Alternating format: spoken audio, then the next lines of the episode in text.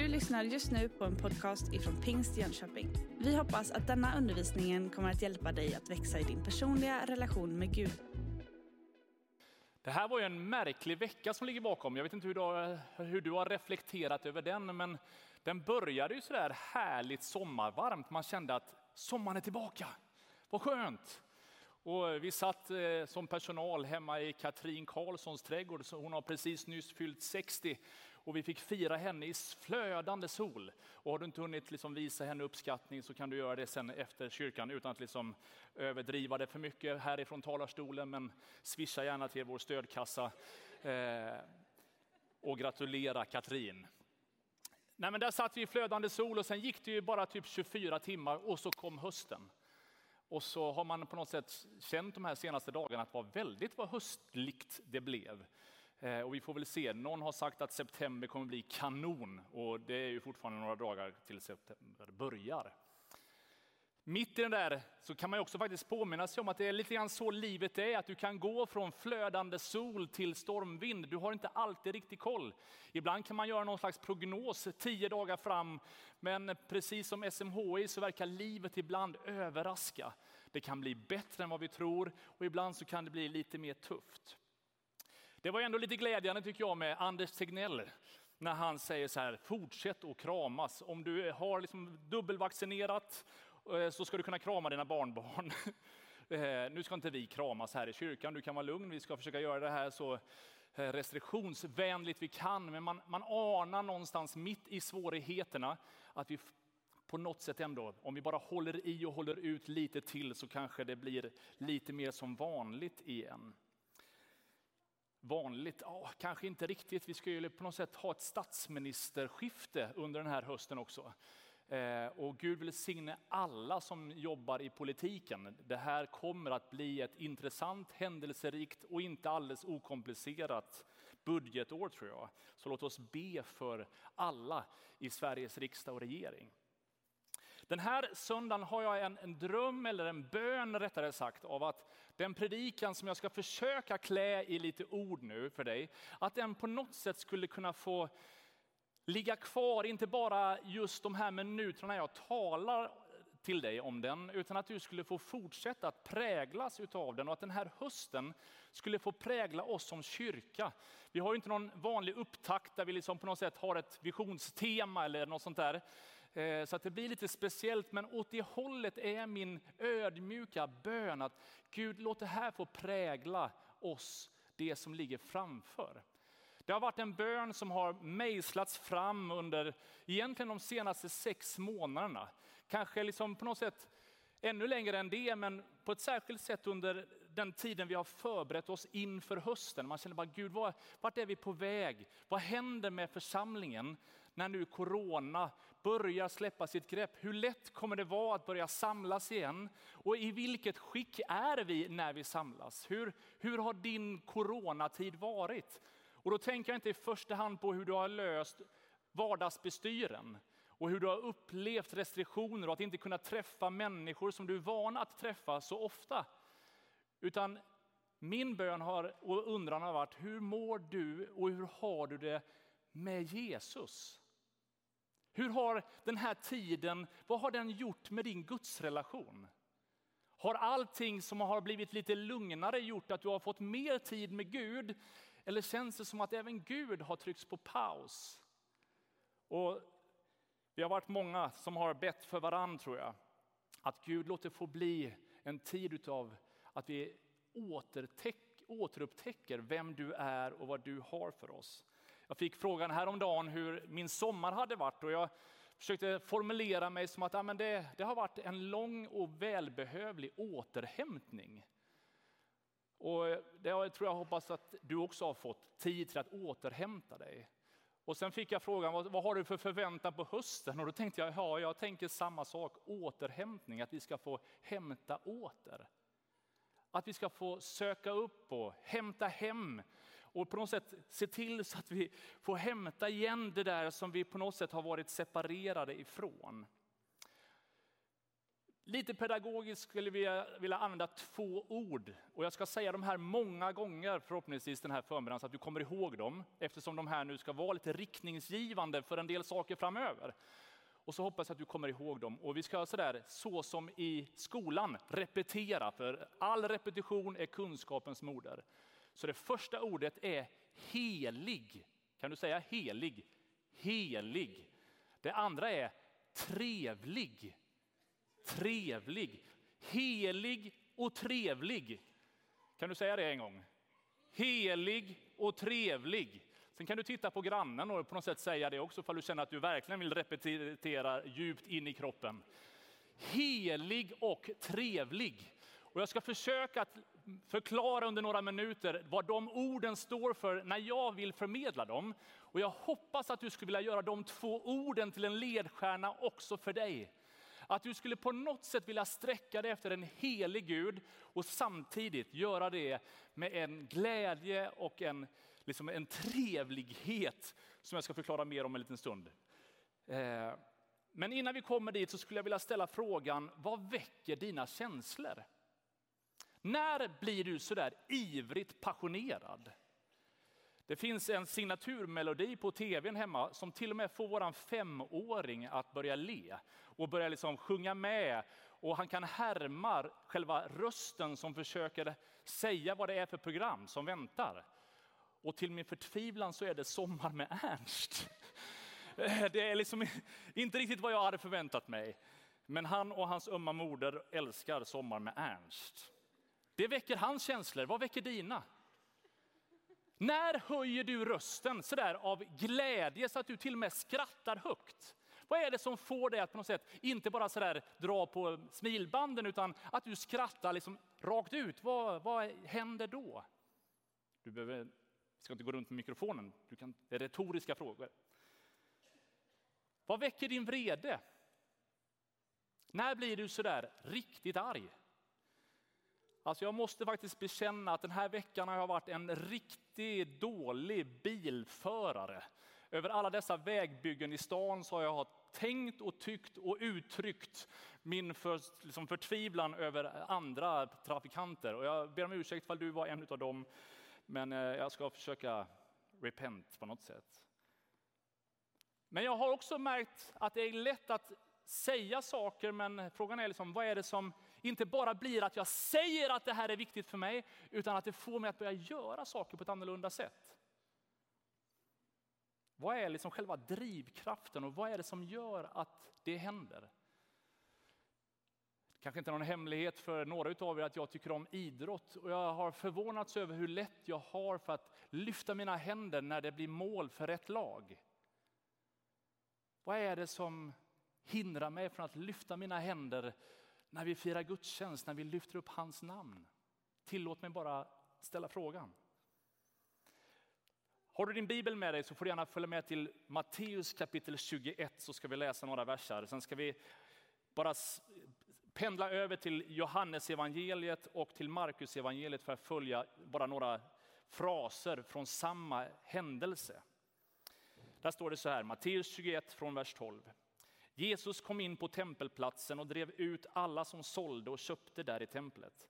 Han välte växlarnas bord och duvförsäljarnas stolar och sa till dem, det står skrivet, mitt hus ska kallas ett bönens hus, men ni har gjort det till ett rövarnäste. På tempelplatsen kom blinda och lama fram till honom och han botade dem.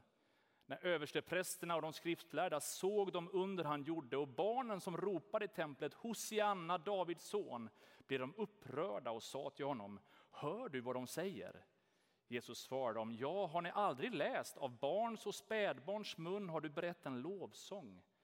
I samma avsnitt i Johannes 2 så säger han att brinnande iver för ditt hus ska förtära mig. Och i Markus evangeliet så står det hur han driver ut de här försäljarna ur templet. Jesus, nu vill jag be för ditt ord när vi har läst det, att det ska få verka i våra liv. Herre, vi ber dig Gud om helig och trevlig närvaro av dig själv. Herre, jag ber dig att ditt hus skulle få kallas ett bönens hus och jag ber att du skulle få prägla våra liv. Herre, du vet precis vad som finns i våra hjärtan. Vi som firar gudstjänst här i Pings Jönköping, fysiskt i lokalen eller på annat sätt ut liksom via webben där man befinner sig. Herre, du vet precis vad vi bär på. Men jag bara ber dig Gud att du skulle komma så där heligt nära, så som vi längtar i Jesu namn. Amen. Hela det här statementet som Jesus gör är att han säger mitt hus ska kallas ett bönens hus för alla folk. Jag tycker det är så skönt att Jesus säger det här är mitt hus. Det är liksom inte en byggnad vilken som helst, det är inte bara ett tempel, det är inte bara en plats vilken som helst. Med all respekt för alla pionjärer som har lagt grunden till Pingst Jönköping för snart hundra år sedan, så är det liksom inte någon människas hus. Alla som var med och gjorde möjligt att resa upp den här kyrkan här på Västra torget. Vi är ju enormt tacksamma, vi som har kommit i svallvågen av den. Och ni, många av er har ju varit med och gjort det möjligt. Trots det så är det liksom inte ytterst vårt hus, utan det är hans hus. Och tänk att Gud säger om någonting som på något sätt vi är en del utav, att det är hans hus. Studerar du det här uttrycket lite närmare så är det ganska långt ifrån egentligen en byggnad Jesus talar om. Grundtextens ord talar mer om ett hushåll, av en tillhörighet till ett hem. Och han säger det här är, det här är mitt hem. Här är min tillhörighet. Det är inte någonting som jag bara besöker ibland. Det är liksom inte där jag är gäst, där jag är lite så här hedersgäst, sitter på en liten finare plats än alla andra, utan det här är mitt hus. Och så talar han om sig själv och identifierar sig i det. Kanske det är just därför som han blev så arg när man på något sätt gjorde någonting som inte passade honom. Vi ska titta på det lite närmare snart, vad det var som drev honom. Men han var ju husets rättmätiga ägare. Han hade all auktoritet, för det var hans hus. Om jag kommer hem till dig så kanske jag har synpunkter på vilka möbler du har, vilken mat du lagar eller varför du har si eller så eller så. Men jag har ju liksom, min röst är ju obefintlig. I värsta fall är jag bara en otrevlig gäst som har massa synpunkter. Men i mitt eget hus, då är det faktiskt min fru som bestämmer, men liksom, någonstans den här att vi, i vårt hus, i mitt hus, det var det som gav honom auktoriteten. Han talar inte med ett utifrån perspektiv utan han identifierar sig med huset. Och så säger faktiskt Kolosserbrevet att han är huvudet för sin kropp, församlingen. Och så får vi som hans gemenskap vara hans hus. Och då inte i bemärkelse vi är en byggnad, utan vi får vara det hushåll, den familj där han identifierar sig som, här är min familj. Åh vad härligt. Herren är min herde. Jesus säger till och med, jag är inte bara din gode heden, utan liksom jag är Fadern, Sonen och helige Ande. Vi är, liksom, vi är de som bär upp hela detta. Vi är familj. Och så fortsätter han och säger, mitt hus ska kallas. Mitt hus ska kallas. Och så ger han liksom en riktning av att det här vill jag att mitt hus ska kännetecknas av. Det här vill jag att mitt hus ska präglas av. Det är det här som människor som inte tillhör mitt hus ska på något sätt tänka på, känna av, beröras av när de kommer hem till mig. Vi har ju någon slags längtan med vår familj att man ska känna sig välkommen, att man ska liksom känna, ja, någon slags våran familjs kultur på något sätt. Man känner det här vill vi stå för, så här vill vi vara, generöst bemöta andra. På samma sätt så säger Jesus här att mitt hus är inte bara liksom en allmän lokal, utan jag vill att den ska präglas av någonting. Den ska kallas någonting, ett rykte ska vara om den. Och då blir det ju väldigt närgående när Korintierbrevet säger att ni är den helige andes tempel riktat till alla de som vill följa Jesus. När han flyttar över bara någonstans att det här är mitt hus och säger att ni, alla ni som vill vara med i mitt hus, alla ni som vill tillhöra mitt hus, ni är det där templet som jag vill ska kallas ett bönens hus för alla folk. Om vi skulle tillåtas vara lite självreflekterande den här söndagen och så fundera på vad säger andra människor om dig och mig? Om vi skulle ställa oss framför spegeln, inte för att liksom kolla frisyren i första hand, kolla liksom hur kläderna sitter eller någonting annat, utan att någonstans lite mer ingående reflektera. Vad är det som andra människor säger om Pingst Jönköping? Vad är det för kyrka? Vad är vi för slags församling? Vad är det som man pratar oss om oss om? Vad är vi kännetecknat med? Är det den stora byggnaden på Västra torget?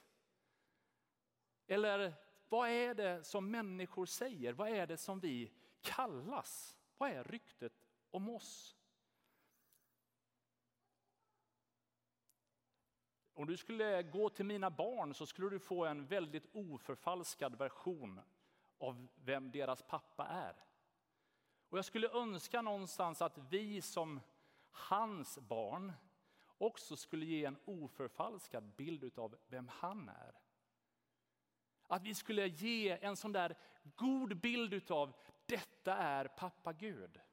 Ett bönens hus för alla folk. Heligt.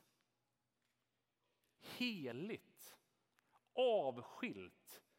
Men inte otillgängligt.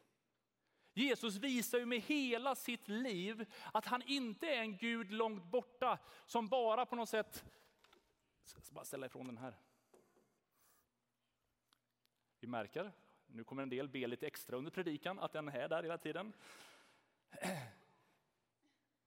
Men att när han säger att han är helig och att så är han ju inte långt borta, han ställer sig inte utanför andra människor. Jag tycker det är så underbart när vi läser i olika evangelietexter. Ta till exempel Lukas 15, där börjar hela det kapitlet med att alla tullindrivare och syndare höll sig nära Jesus för att höra honom. Men fariseerna och de skriftlärda kritiserade honom ständigt och sa den där mannen tar emot syndare och äter med dem. Lukas talar om att han är en vän till tullindrivare och syndare. Jag tycker det är så underbart. Alla de där som på något sätt man skulle tänka, de vill du inte ha in i ditt hus, de höll sig nära Jesus. Alla de som på något sätt man tänker, men heligt, det är avskilt, det är så långt bort från alla dessa syndare. Nej, de fick hålla sig nära och de till och med fick vara så nära Jesus så att de uppfattade sig själva och andra talade om dem som att de var vänner till Jesus. Snacka om att ha ett öppet hem. Mitt hus ska vara ett bönens hus för alla folk, är inte så heligt så att det blir frånstötande, så avskilt så att man på något sätt drar sig undan. Nej, det är verkligen sökarvänligt, syndarvänligt. Och tack Jesus för det, annars så hade någon annan fått predika idag kan jag säga. Det är underbart med Jesus. Heligt, avskilt men inte otillgängligt. Och så säger Jesus så här själv i Johannes 20 att som Fadern har sänt mig sänder jag er. Och så vill han att du och jag som hans händer, fötter, hans röst, hans ögon ska få vara med att på samma sätt som han utstråla det här öppna hemmet. Och det var väl det som väckte hans frustration när han så på tydligt sätt såg att det templet som var för alla folk hade blivit exklusivt bara för några få. Jag tycker det är intressant hur många gånger i Bibeln som vi adresseras, vi som tillhör Jesus, att vi, vi hälsas som de heliga. Paulus skriver till alla de heliga där. Och alla de heliga där och hälsa de heliga där och heliga där. Och, vet inte när du står framför spegeln för du tänker liksom att ja, jag är Markus den heliga. Men vad är det som gör att det är lättare att säga att man är kristen än att säga att man är helig? Vad är det som gör att vi mer pratar om att gå till kyrkan än att på något sätt bara vara i hans närvaro? helig. Han kallar oss heliga. Och låt mig då säga att det ligger väldigt lite i vad vi gör i det yttre. Men väldigt mycket av det som händer inom oss. Paulus varnar för att det kommer finnas människor som har sken av Guds fruktan, men som förnekar dess kraft. Som på något sätt i det yttre verkar väldigt fina och ordentliga. Som lyfter händerna så här lagom svenskt högt i lovsången. Som kan den här sköna överstämman på liksom någon vers. Går på allt som går att liksom gå på i det offentliga. Men hur är det? Förnekar vi dess kraft? Är det ett sken eller är det på riktigt? Jesus går ju väldigt hårt åt dem som är rättfärdiga i sina egna ögon. Och så säger han så här att utanpå ser ni ut som rättfärdiga inför människor, men inuti är ni fulla av hyckleri och ondska. Ni är som vitkalkade gravar. Det är ju kanske inte världens schysstaste formulering. Men det visar ju någonstans vad som är viktigt i Guds ögon. Han är ute efter ditt och mitt hjärta. Framför allt som ska bevaras ska du bevara ditt hjärta. För därifrån utgår livet. Och då är min fråga, hur har ditt hjärta mått och under coronaperioden och hur mår det nu? Hur har du det i ditt hjärta? Hur har du det där djupt på insidan? Kanske det som vi mer behöver präglas utav. Så att när vi tänker på vad som är heligt så är det inte en efterfrågan efter oss vad vi själva presterar, vad vi själva kan göra, utan vem han är. Och att vi skulle kunna leva mer som honom. Men det ska inte bara vara heligt, det ska också vara trevligt. Och vi märker ju hur mycket i Nya Testamentet som adresserar, det här vill jag att ni ska präglas utav. Och jag skulle bara kunna ge några korta exempel från Kolosserbrevet där det står så här, klä er därför som Guds utvalda, heliga och älskade. Okej, hur ska vi nu ta på oss den här dräkten? Jo, innerlig barmhärtighet godhet, ödmjukhet, mildhet och tålamod. Vilka sköna kläder! Wow, om vi kunde liksom lägga lite mer uppmärksamhet på de kläderna än de fysiska kläderna när vi ska gå till kyrkan, eller när vi går till jobbet, eller när vi är på väg till festen. Wow, vilken temperaturskillnad i de rum vi kliver in i ifall det präglar oss att vara så som han vill. Paulus han adresserar alla män, men jag skulle vilja inkludera alla kvinnor i den här versen. Jag tror att det är lika viktigt. Att männen på varje plats ska be med heliga, lyfta händer, utan vrede och diskuterande. Det är så lätt att ha massa åsikter och tycka om det och tycka om det, tycka om det. Och om vi kunde koncentrera oss mer på att bara lyfta heliga händer. Låta vår mun vara mer fylld av tillbedjan och förbön Paulus säger var innerligt tillgivna varandra i syskonkärlek. Överträffa varandra i ömsesidig aktning. Och så skulle vi kunna fortsätta att läsa hela det här bibelsammanhanget så får vi väldigt mycket konkret vägledning hur det där öppna hemmet ska kännas, dofta, lukta, smaka. Och det är inte en prestation utan det är egentligen bara en instruktion över hur Jesus tänker att det här är mitt hus, det här vill jag att mitt hus ska präglas utav, för så här är jag. Det är så här Jesus var när han gick på jorden och det är så han är idag. Och därför så vill han att ju mer lika honom vi blir, ju mer heliga vi präglas utav, ju mer kommer den här generositeten också att vila över oss, vara över oss.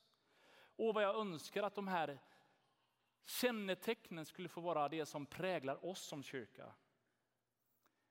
Jag vill att mitt hus ska kallas ett bönens hus för alla folk. I våran värld så är det så lätt att tänka när vi hör det här bönens hus. Okej, okay, då är det ett bönemöte en viss tid, en viss dag, en viss plats. Och du är välkommen varje tisdag klockan 10, varje torsdag klockan 18.30. Vi kommer ha stora bönemöten här i kyrkan. Vi tror på bön tillsammans. Men det är inte det som Bibeln talar om här, att det är vid något tillfälle, utan det här ska vara 24-7, dygnet runt, vart vi än är. Det här ska få prägla oss. Och då handlar det inte om ett möte på en bestämd tid, utan en livsstil i hans närvaro. Och det är det här jag lägger i ordet helig. Gud, låt mig få vara helig. Låt vår församling få vara helig. Att man inte bara talar om att det är en härlig gemenskap eller åh vad gott det är med kyrkkaffe så småningom eller vad det nu är. Utan att det är Gud är här. Paulus undervisar i Korinthierbrevet om andens gåvor i funktion. Du ser i kapitel 12 i första Korinthierbrevet hur olika människor är präglade av olika förmågor, olika bidrag till en fantastisk palett som förstärker vem Gud är. Mirakel, generositet, förbön, omsorg. Så många olika dimensioner av gåvor som är i funktion. Sen undervisar han kapitel 13 om kärlekens drivkraft. Och så förstärker han lite grann till i kapitel 14 och så talar han om vikten av att vara en församling som är profetisk. Som talar Guds ord, inte bara läser Guds ord utan får tala Guds ord. Och i den där formuleringen i kapitel 14, vers 23 så säger han så här att om nu hela församlingen samlas och alla talar tungomål och det kommer in några som inte förstår eller inte tror, säger, då, säger de då inte att ni är galna? Men om alla profeterar och det kommer in någon som inte tror eller inte förstår, då blir han avslöjad av alla och dömd av alla. Hans hjärtas hemligheter uppenbaras och han faller ner på sitt ansikte och tillber och erkänner Gud finns verkligen i er. Åh, vad jag skulle liksom längta efter att det fick vara det som präglade vår gemenskap. En sån närvaro av Gud så att när människor kommer så är det inte bara, åh vilken fin musik. Wow, har ni de här instrumenten också?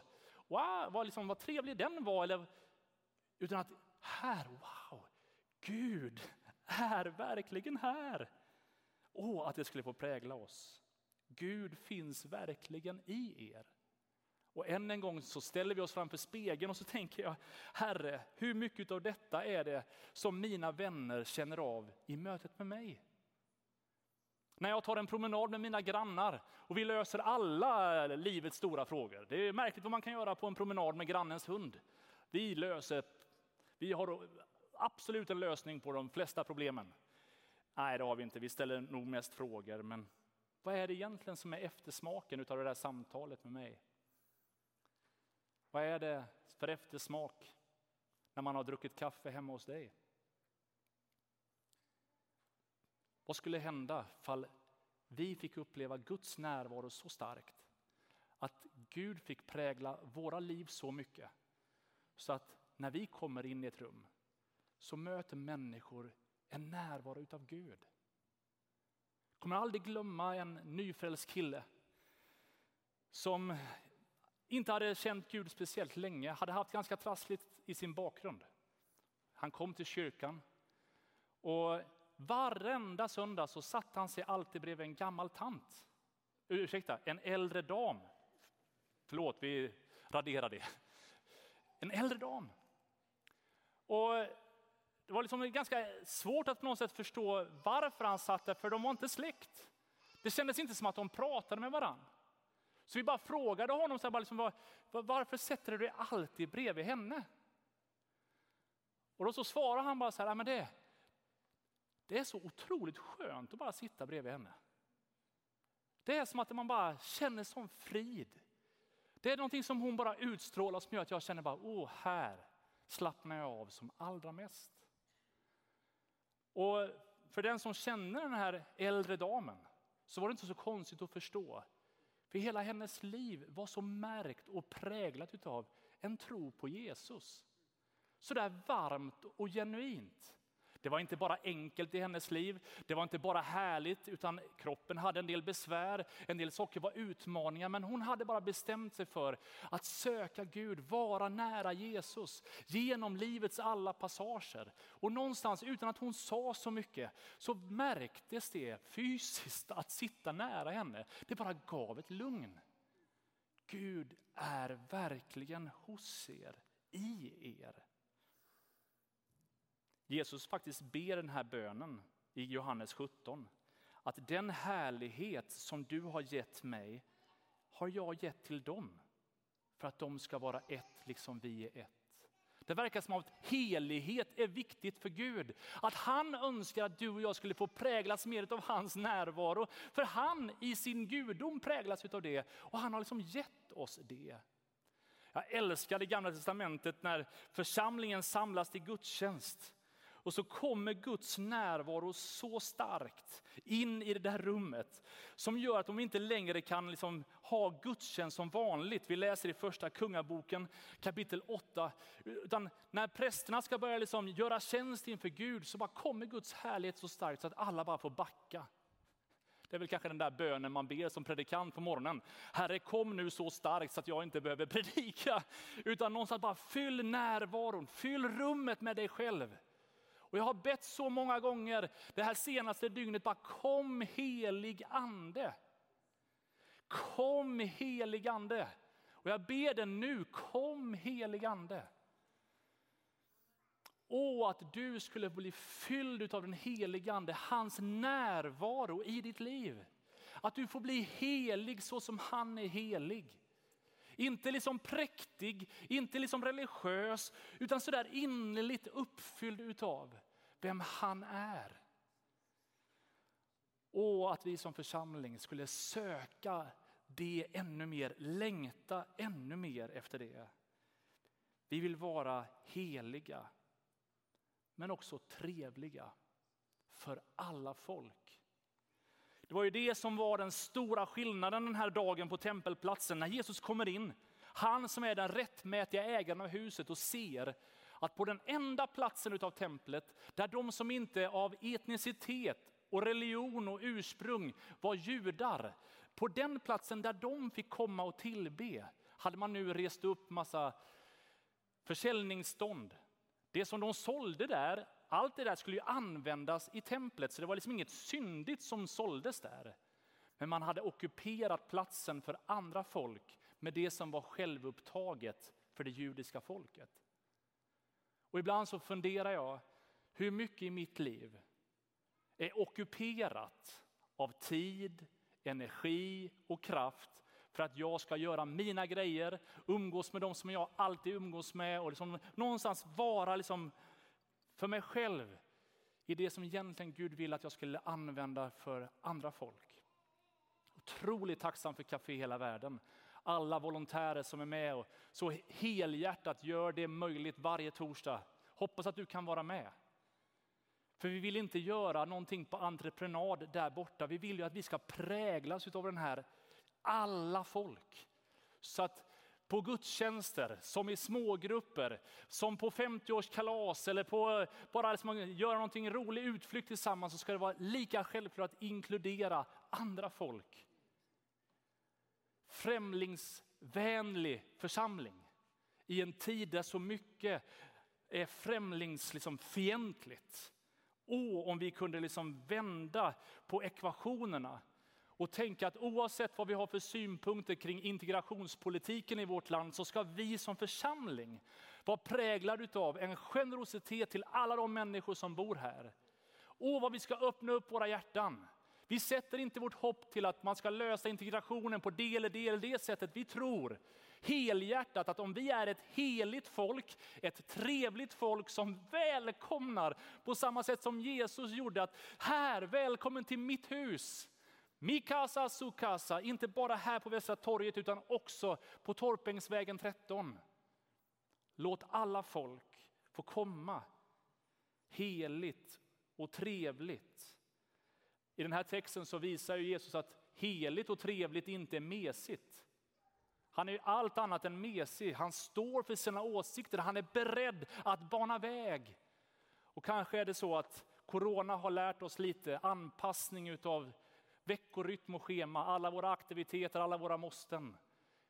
Åh, vad jag skulle önska att när vi nu börjar öppna upp igen, när vi börjar återgå till lite mer som vanligt igen, att vi har lärt oss läxan. Att inte bara springa på aktiviteter utan vårda ett inre liv med Gud som säger Herre kom.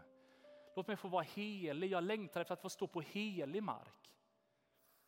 Och jag tyckte det var så underbart i morse det var väldigt tidigt i mitt hus, alla andra sov. Och så fick jag tända lite ljus i vardagsrummet. Och så fick jag bara be till Gud för den här söndagen. Be för oss som församling. Och så märker man där, den här, du vet, det ligger lite popcornrester i soffan, det ligger lite kläder i något hörn och något barn som på något sätt inte riktigt visste vart man skulle lägga grejerna någonstans. Och inte all disk är diskad från igår. Och ändå så bara fyller Gud rummet med sin närvaro. Tänk om du skulle kunna ställa disken en liten stund innan du går till jobbet imorgon och bara säga Gud välsigna den här dagen. Inte bara vara på väg med alla dina aktiviteter, alla dina måsten, utan bara säga Gud gör mig mer helig. Åh Herre att mitt hus, ditt hus skulle få kallas ett bönens hus, att vi skulle vara kända för. Inte att vi är andliga i den bemärkelsen att vi är religiösa och förtjänar, utan bara så här härligt inkluderade, präglade av en tro på dig Jesus. Som är så inkluderande så att alla folk fattar att det även gäller dem. Heligt och trevligt. Jag tycker det är fascinerande, jag ska inte predika så mycket längre. Man blir liksom så här salig när man ser så mycket folk. Man har bara sett, med all respekt för Ulrik, man har bara sett en kamera under ett års tid. du vet, salmisten säger att Gud har smort sin tjänare med glädjens olja mer än sina bröder. Den där texten är en bild av Jesus. Och han säger ju att vi är nu sända, på samma sätt som han sändes så är, är, liksom, är vi nu sända med andens frukt glädje. Så att, att vara helig innebär inte att bli så här tung och, och det här blev allvarligt och svårt. Utan vi får fyllas av glädjens olja. Vi får ta av oss sorgens dräkt och klä oss i lovprisning. Glädjens olja istället för sorg. Och den här söndagen så skulle jag på något sätt vilja ställa mig själv inför spegeln. Jag skulle vilja ställa dig inför din egen spegel någonstans och bara tänka, är jag nöjd med det jag ser? Är det här, lever jag ett, ett heligt liv? Om jag kämpar med alla möjliga olika utmaningar, känner jag liksom glädje? Kanske du liksom jag sörjer någon an, liksom nära vän som har gått bort eller sådär. Det är inte så lätt att vara glad när man sörjer. Men du vet, Guds löfte är en glädje som är oberoende av omständigheter. En glädje som går djupare, där hans ande får möta oss i sorg, besvikelse, svårigheter, kamp. Och trots alla motgångar kan han få ge oss en glädje och framtidstro. Det möter oss i hans hus. Du har just lyssnat på en podcast ifrån Pingst Jönköping. För att få reda på mer om vilka vi är och vad som händer i vår kyrka så kan du gå in på pingstjonkoping.se eller följa oss på sociala medier via pingstjkpg.